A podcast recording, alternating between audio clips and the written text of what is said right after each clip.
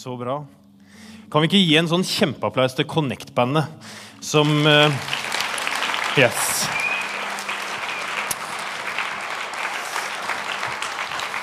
Jeg syns det er så bra at uh, de spiller på gudstjenesten uh, i dag og trøkker oss litt.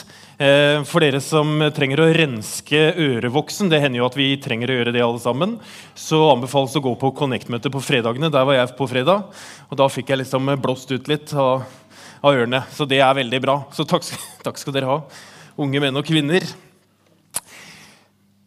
Vi eh, starter en ny serie som vi skal ha over to uker, som vi har kalt God nok eller nåde nok. Egentlig så kunne vi kalt den serien mange ting. Vi kunne ha kalt den 'Hvorfor måtte Jesus dø?' Hva er det egentlig å tro på Jesus? Hva betyr det, liksom? Hva er forskjellen på å tro på Jesus og ikke tro på Jesus? Er det en forskjell?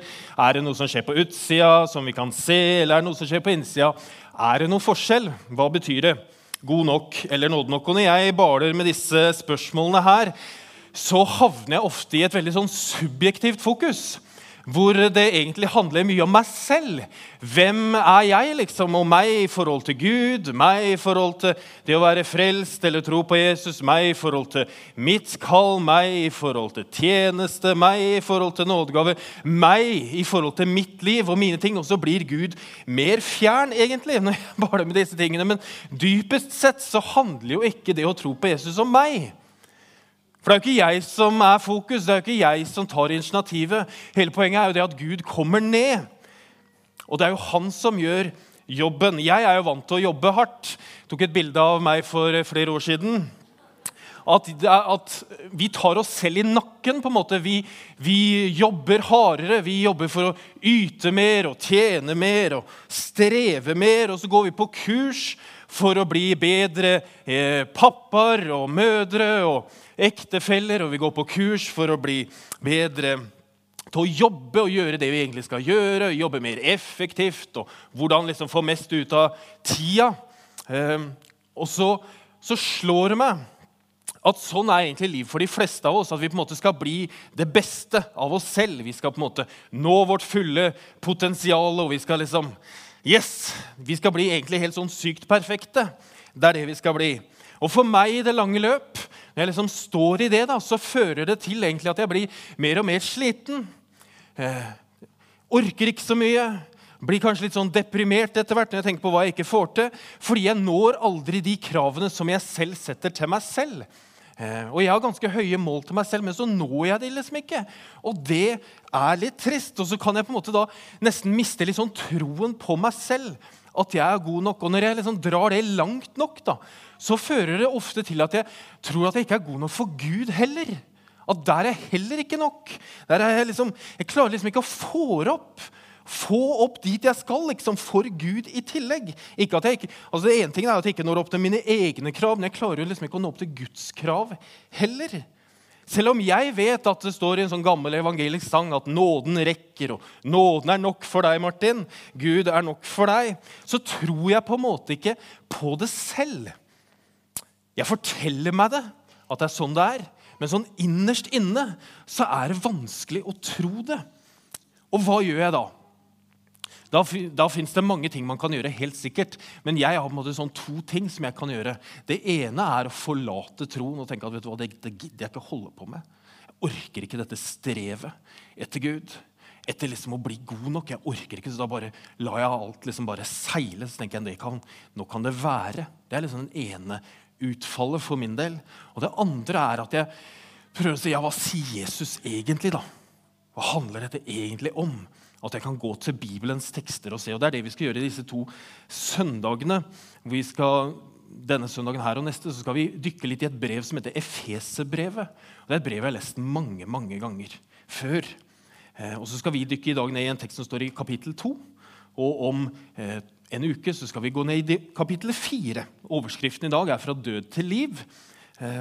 Og Neste søndag så er det det gamle og det nye mennesket. Og så er det på en måte nesten det samme litt sånn i tematikk, men det er med litt forskjellig vinkling. Og så lurer du sikkert på hvorfor gjør vi dette? Hvorfor har vi dette temaet? Vi har jo hatt en, eh, en temaserie som heter Historien, hvor vi har sett på alt det vi har gjort, alt det vi har fått til, alt det på en måte Gud har gjort gjennom menigheten. Eh, og så tror jeg at vi, i hvert fall jeg står litt sånn i fare for å bare være opphengt i, i, det å gjøre. Det vi har gjort, og det vi vil gjøre. Det vi har holdt på med, det vi står i, og dit vi skal. At vi på en måte står litt sånn i fare for å på en måte glemme eller på en måte ikke ha det langt nok framme hva som egentlig gjelder, nemlig at det er Gud som kommer ned. Det er ikke vi som jobber for å komme opp, sånn som det sto på filmen, men det er Gud som jobber for å komme ned til oss for å møte oss der vi er. Efeserbrevet er et uh, kort brev på seks kapitler som en som heter Paulus har skrevet. som har skrevet halve Nytestamentet.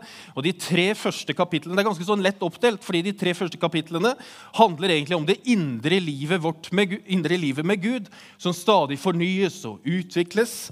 Og De tre siste kapitlene handler om på en måte, hvordan vi skal leve livet vårt som troende. Og så tenkte jeg egentlig at vi skulle hoppe rett inn i Efeserbrevet liksom uten noe mer intro. Eh, men så har jeg behov for å si noe om hva som står i kapittel 1. For i kapittel 1 så starter Paulus med å gi en beskrivelse av Jesus ut ifra en gammel salme, som er salme 144. Og så bare mikser og trikser han litt på det for at vi skal se at det om Jesus det henger sammen fra Det gamle til Det nye testamentet. Det er en fantastisk tekst. Og så oppsummerer han dette ved å si på slutten av kapittel 1 at alt la han, altså alt la Gud under Jesu føtter. Og han, hodet over alle ting, ga han til kirken, som er Kristi kropp, fylt av ham, som fyller alt i alle. Vi er jo de som har satt inn kapitler og vers i Bibelen. Det er jo ikke sånn at Paulus skrev liksom kapittel 1 og vers 1, 2, 3. Det er jo vi som har gjort etterpå. Ikke jeg, da, men det er jo noen som har gjort det før oss for, for en del år tilbake. Før 1990. Men, men, vi har jo gjort det, og det som er litt sånn fascinerende, er at han avslutter da fylt av ham som fyller alt i alle. Og så sier han dere var en gang døde pga. misgjerningene og syndene deres. Paulus sier at vi en gang var døde. Hva slags død er det Paulus egentlig snakker om? Synd er jo sjelens død. Vi har jo alle en kropp og en ånd og en sjel, men Synden den gjør at sjelen vår dør. Å forbli død for synden, sier Paulus, er å leve på den nåværende verdens vis. For han skriver dere levde i dem på den nåværende verdens vis. Og så tenker jeg, Hvis det er den nåværende, så må det jo bety at, av, at det har vært en verden som har vært før. da. Den nåværende. Og at det kommer en verden som kommer liksom etter den nåværende. Henger dere med? Det er litt sånn trist i starten, dette. Eh, for det står videre at eh, Og lot dere lede av herskeren i himmelrommet, den ånd som er virksom i de ulydige. Ja, vi levde alle en gang som de. Vi fulgte lystne i vårt eget kjøtt og blod og lot oss lede av det og våre egne tanker. Vi var av naturen vredens barn, vi som de andre. Det finnes altså en hersker i himmelrommet. En ånd som er virksom i de ulydige. Og noen lyster i vårt eget kjøtt og blod. Og vi lot oss, og lar oss kanskje, lede av det og våre egne tanker. Og så tenker jeg, Er ikke dette egentlig det vi strever med, alle sammen? Balansen mellom egne, mine egne lyster og tanker og det som er Guds tanker. Ofte så vil jeg at Guds tanker skal være mine tanker, eller at mine tanker i hvert fall skal være Guds. Så at jeg skal, på en måte skal få han på mitt lag. Sånn at det jeg tenker, det må jo være Guds. sånn at Du leder meg jo den veien jeg, jeg vil. ikke sant? Eh, men Paulus sier at våre lyster og våre tanker er av en annen ånd. Herskeren i himmelrommet, den onde, splitteren, binderen. Han som splitter Bibelen er jo krystallklar på at det finnes en god gud, og så finnes det en ond djevel. En som vil holde oss borte fra Gud, en som vil oss vondt. Og så gjør han det ikke på det for å holde oss borte fra Gud, og så gjør han ikke på de tingene som vi er sterkest på. Det ville jo vært dumt. Han gjør det på våre svakeste punkter, på der vi er mest sårbare. Så går han inn og så prikker han oss på skuldra og så sier han, kan du tro på Jesus, du, da? Er du god nok, du, da? Holder dette for deg? Kan du leve sånn gjennom vårt begjær, det vi har lyst på, eller det vi tenker, eller våre følelser? Kanskje, kanskje vi har noen sånne forbudte følelser, tror vi. Eller negative tanker kan det være. Ofte for meg så handler det om negative tanker. At jeg tenker dårlig om meg selv og mitt eget selvbilde. Og så gjør han det alt for å holde oss borte fra Gud. Fordi vi er da ikke gode nok da. Vi kan jo ikke kalle oss kristne, vi. Så tror jeg det at vi alle står i en, måte, en eller annen kamp her da, hele tiden. Rett og slett fordi vi er det i oss selv. Og så vil noen si men Martin, du er jo god på bunn. Er det ikke det? Eller han er jo god på bunn. Så tenker jeg Hadde du sett meg på bunn, liksom, så hadde du tenkt at der er det ikke mye godt. For jeg tenker, Skal du virkelig finne ut hvor dårlig man er, liksom, så skal man leite på bånn. Er ikke veldig hyggelig å være her på en ny serie? Bare liksom få inn dette at dette er stas. Eh, men skal du virkelig leite etter hvor dårlige vi er, så kan du jo leite på bunn. Fordi på overflaten der klarer jeg meg ganske godt.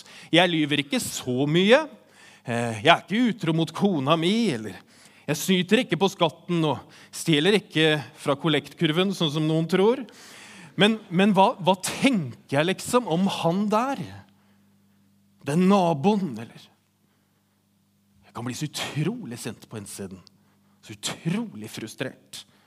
Jeg ble forbigått igjen, vet du. Tosken der.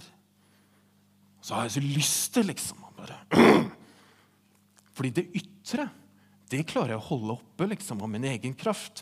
Men hvis du går på innsiden Og så tenker du det stopper, nå stopper du sikkert. Så gjør jeg ikke det, vet du. Fordi jeg tenker, Hva sier Jesus da om dette? Han sier i en tale som heter Bergprekenen, fra kapittel 5 til kapittel 7 i Matteusevangeliet, så sier han dere har hørt det sagt. Du skal ikke slå i hjel. Ja, det klarer jeg fint. Men jeg sier dere, sier Jesus, den som blir sint på sin bror, er skyldig for domstolen. Den som sier til sin bror 'din idiot', skal være skyldig for det høye råd. Og den som sier 'din ugudelige narr', skal være skyldig til helvetes ild. Det er sånn Huff. Ja. Så da er jeg ferdig. Så rett og slett, så da skal vi gå rett over til nattverden. Det trenger vi. Altså Paulus han tegner på en måte opp vår, eh, vår død som syndere. At vi alle er liksom elendige på bånd. Og så vet jeg at Det er liksom ikke derfor du kom hit for å høre at du er elendig på bånd. Men det er noe med å på en måte si litt sånn, hvordan det, måte, hvordan det er. At vi strever litt med det. At Det er greit. liksom, at det er det er egoisme, og vi er liksom våre egne, vi vil vårt eget beste hele tiden. Stort sett hele gjengen. Men så når Paulus går videre, så sier han men Gud. Og Når du leser i Bibelen og det står 'men Gud', da kommer det noe annet. Da er liksom et skifte, for da har han sagt noe om hvor grusomt det er. Og så sier han 'men Gud'. Han står for noe annerledes. Ja, hva står han for? Han er rik på barmhjertighet fordi han elsket oss med en så stor kjærlighet, gjorde han oss levende med Kristus, vi som var døde på grunn av våre misgjerninger. Av nåde er dere frelst. I Kristus Jesus har han reist oss opp fra døden sammen med ham og satt oss i himmelen sammen med ham. Gud er rik på barmhjertighet. På hvordan måte da? På hvilken måte da? Jo, fordi han elsket oss med en så stor kjærlighet at han gjorde oss levende. Det var han som gjorde det. Vi som egentlig var døde, har Jesus gjort levende. Det er Gud som er arkitekten bak denne endringen her. Det er han som har gitt oss dette budskapet, at hans kjærlighet til oss er rett og slett det fordi vi er hans skapninger. Vi er skapt av han, og derfor elsker han oss. Det er kun fordi vi er hans skapninger, at han elsker oss og har gjort oss levende med Jesus. Hvordan gjorde han det? Det er jo det som er påskens budskap. Når han døde på korset og sto opp fra de døde. Jesus Kristus, Det er jo det som er vårt evangelium. Det var jo sånn han gjorde det. Det er Gud som har gjort det. Det er han som tok initiativet. Det er ikke du. Det er ikke deg. Det hviler ikke på deg. Det hviler ikke på det du gjør. Det er ikke avhengig av deg. Det er som Paulus sier, bare slapp av, liksom. Ikke stress. Ta det med ro. Du trenger ikke ta deg i nakken. For det er Gud som har gjort det. Helt ufortjent. Helt uten kostnad for deg. Du har ikke arbeida deg til det, du har ikke studert deg til det, du har ikke tatt i nakken på det, men du har fått det gratis av nåde på tross av. Helt ufortjent. Ser du at det står et løfte der? Det står han har satt deg i himmelen med ham. Og det er ikke den nåværende verden som Paulus snakker om. Det er den nye verden. Det er det håpet som vi klamrer oss til. Det er jo mitt håp, midt i all min uh, udugelighet og midt i all min uforståelighet. At Gud har satt meg i himmelen sammen med ham. Og så stopper ikke der, vet du. Fordi han sier slik ville han i de kommende tider vise hvor overstrømmende rik han er på nåde, og hvor god han er mot oss i Kristus Jesus. Det står at han vil vise det for deg. Han vil vise det for meg, at vi har et overstrømmende håp. At han er overstrømmende rik på nåde. Helt ufortjent. Og så føler, kan det nesten høres ut som en belønning. Men en belønning får man jo etter at man har gjort i hvert fall jeg gjør det, for en belønning når jeg har gjort noe bra, så får jeg en belønning. Men her, her fortjener jeg jo ikke belønningen engang. Fordi alt er av nåde. Og så er det et nytt løfte der. I de kommende tider vil Gud vise deg hvor overstrømmende rik han er på nåde, og hvor god han er mot deg Jesus Kristus. Gud vil vise deg det. Han vil vise deg hvor overstrømmende rik han er, hvor god han er mot deg. Og du kan bare si takk og ta imot. Av og til så har jeg opplevd å få en sånn voldsom opplevelse av Guds overstrømmende rike nåde. Og jeg nesten bare faller på kne og, og gråter og sier at jeg er ikke verdig, Gud. Jeg er ikke verdig at du gjør dette, at du viser dette. Jeg er ikke verdig.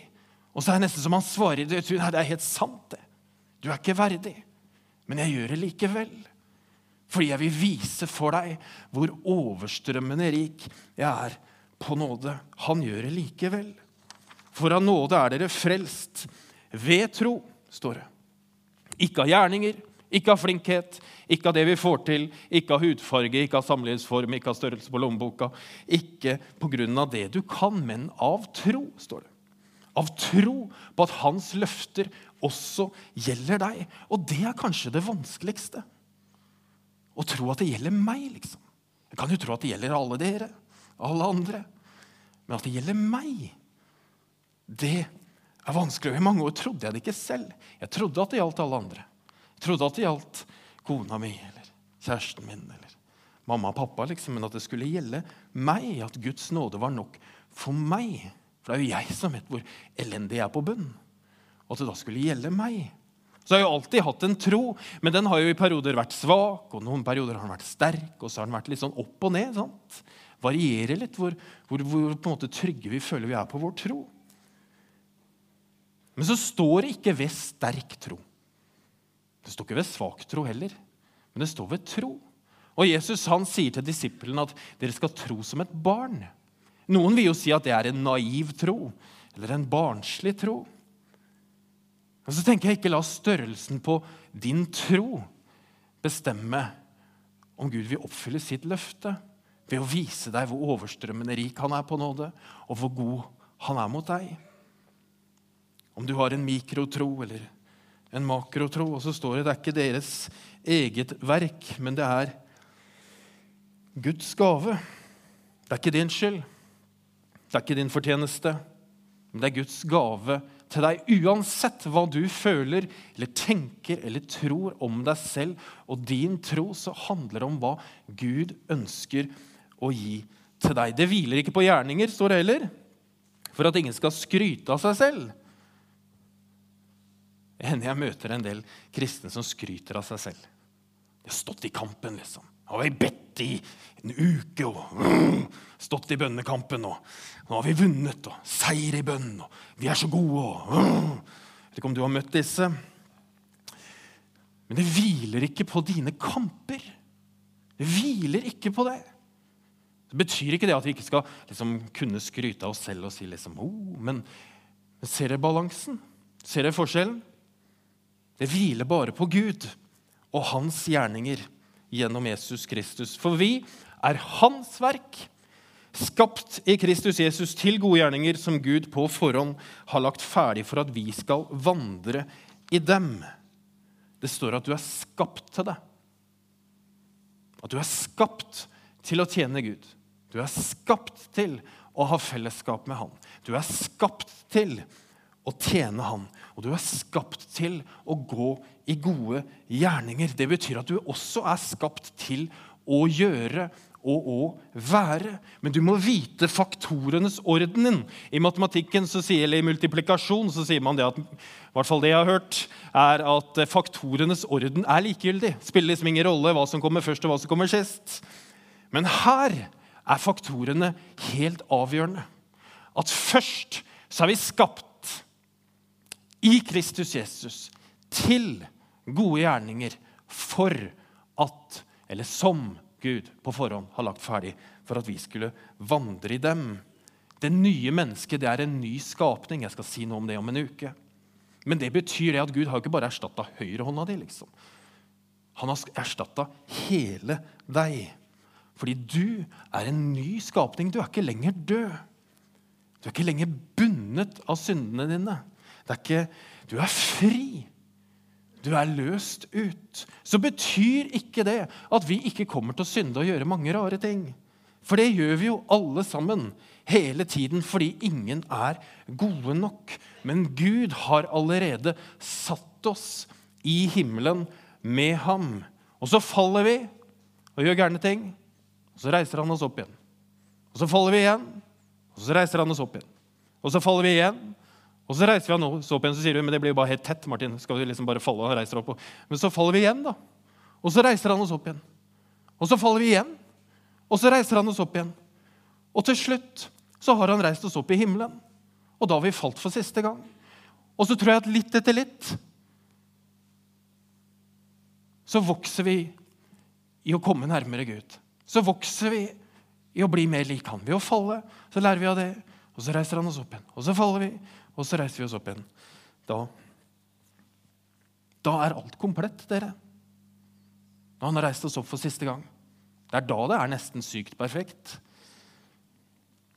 Men Gud har lagt klar noen gjerninger for deg som du kan vandre i. Hvordan gjør du det? Viggo Clausen var her for tre uker siden, tror jeg, og hadde med seg en stav som David brukte. Og så sa han at han måtte legge ned den staven før han kunne begynne å vandre. Jeg tror det første vi må gjøre for å liksom, hvis du er helt på scratch, det er å slappe av og hvile og legge oss ned for Gud og si, 'Vet du hva? Jeg trenger din hjelp. Jeg får ikke dette til.' Jeg trenger å hvile. Og så kan vi ligge og hvile. Og så kan vi starte å gå. Og så kan du si ja, hvor skal jeg gå, da? Ja, Da må du tro at Gud har lagt gjerninger ferdig for deg som du kan vandre i. Når du har lagt ned staven din og hvilt. I Han så må du jo gjerne studere litt og lese litt i Efeserbrevet for å finne ut hvordan du kan vandre og vokse og sånt, men, men det starter egentlig der. At vi sier at Gud, du er Gud. Det starter med deg ønsker å hvile i det. Og så kan vi begynne å gå. Det er jo det som er nåde. Det er jo det som er helt unikt. Det er jo, verden gir oss jo ikke dette, men det er Gud som gir det. Det er Gud som starter med det. Skal vi be en bønn? Herre, takk for at du er nok. For meg og for alle. Takk for at du ikke hviler på gjerninger på hva jeg gjør. Fordi du har elska meg først. Og så har du satt meg i himmelen med deg for alltid. Jeg ber Herre om at du skal tale til våre hjerter nå. At vi skal kjenne at vi er elska av deg. Ubetinget. Helt ufortjent. At du elsker oss så høyt at du døde for hver enkelt av oss. At vi kan være sammen med deg for alltid. At vi kan starte å vandre med deg i dag. uansett hvor vi har vært før. Takk, Herre, for at det er så mye nåde hos deg at vi kan nesten ikke fatte det. Men du står der og reiser oss opp og går sammen med oss.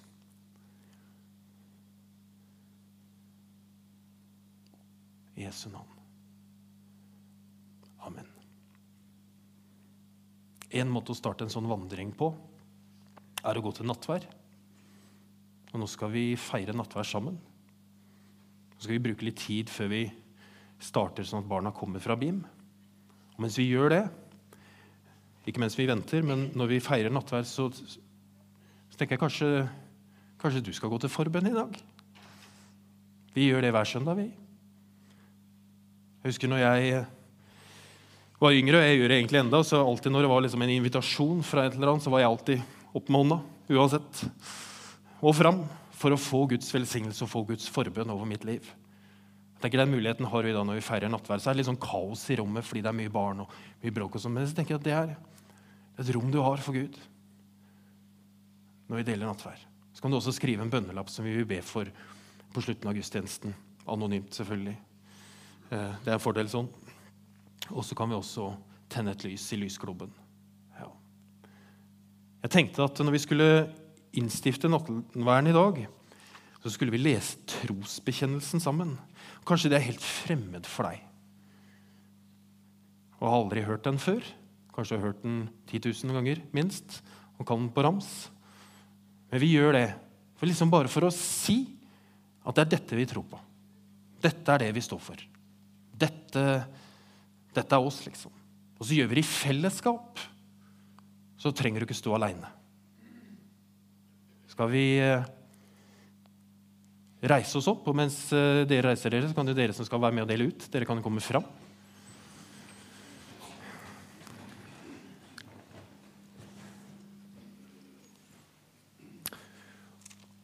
Skal vi lese før vi leser trosbekjennelsen, så leser jeg det som står Nei, det gjør jeg ikke. Jeg leser tros, vi leser trosbekjennelsen først. Rett og slett. Jeg tror på Gud Fader, den allmektige, himmelens og jordens skaper. Jeg tror på Jesus Kristus, Guds enbårne sønn, vår Herre, som ble unnfanget ved Den hellige ånd, født av jomfru Maria pint under Pontius Pilatus, korsfestet, død og begravet, for ned til dødsriket, sto opp fra de døde tredje dag, for opp til himmelen, sitter ved Guds, den allmektige Faders høyre hånd, skal derfra komme igjen for å dømme levende og døde. Jeg tror på Den hellige ånd, en hellig allmenn kirke, de hellige samfunn, syndenes forlatelse, legemets oppstandelse og det evige liv. Amen. Da kan dere bli stående. Skal vi se. Det kan du gjøre.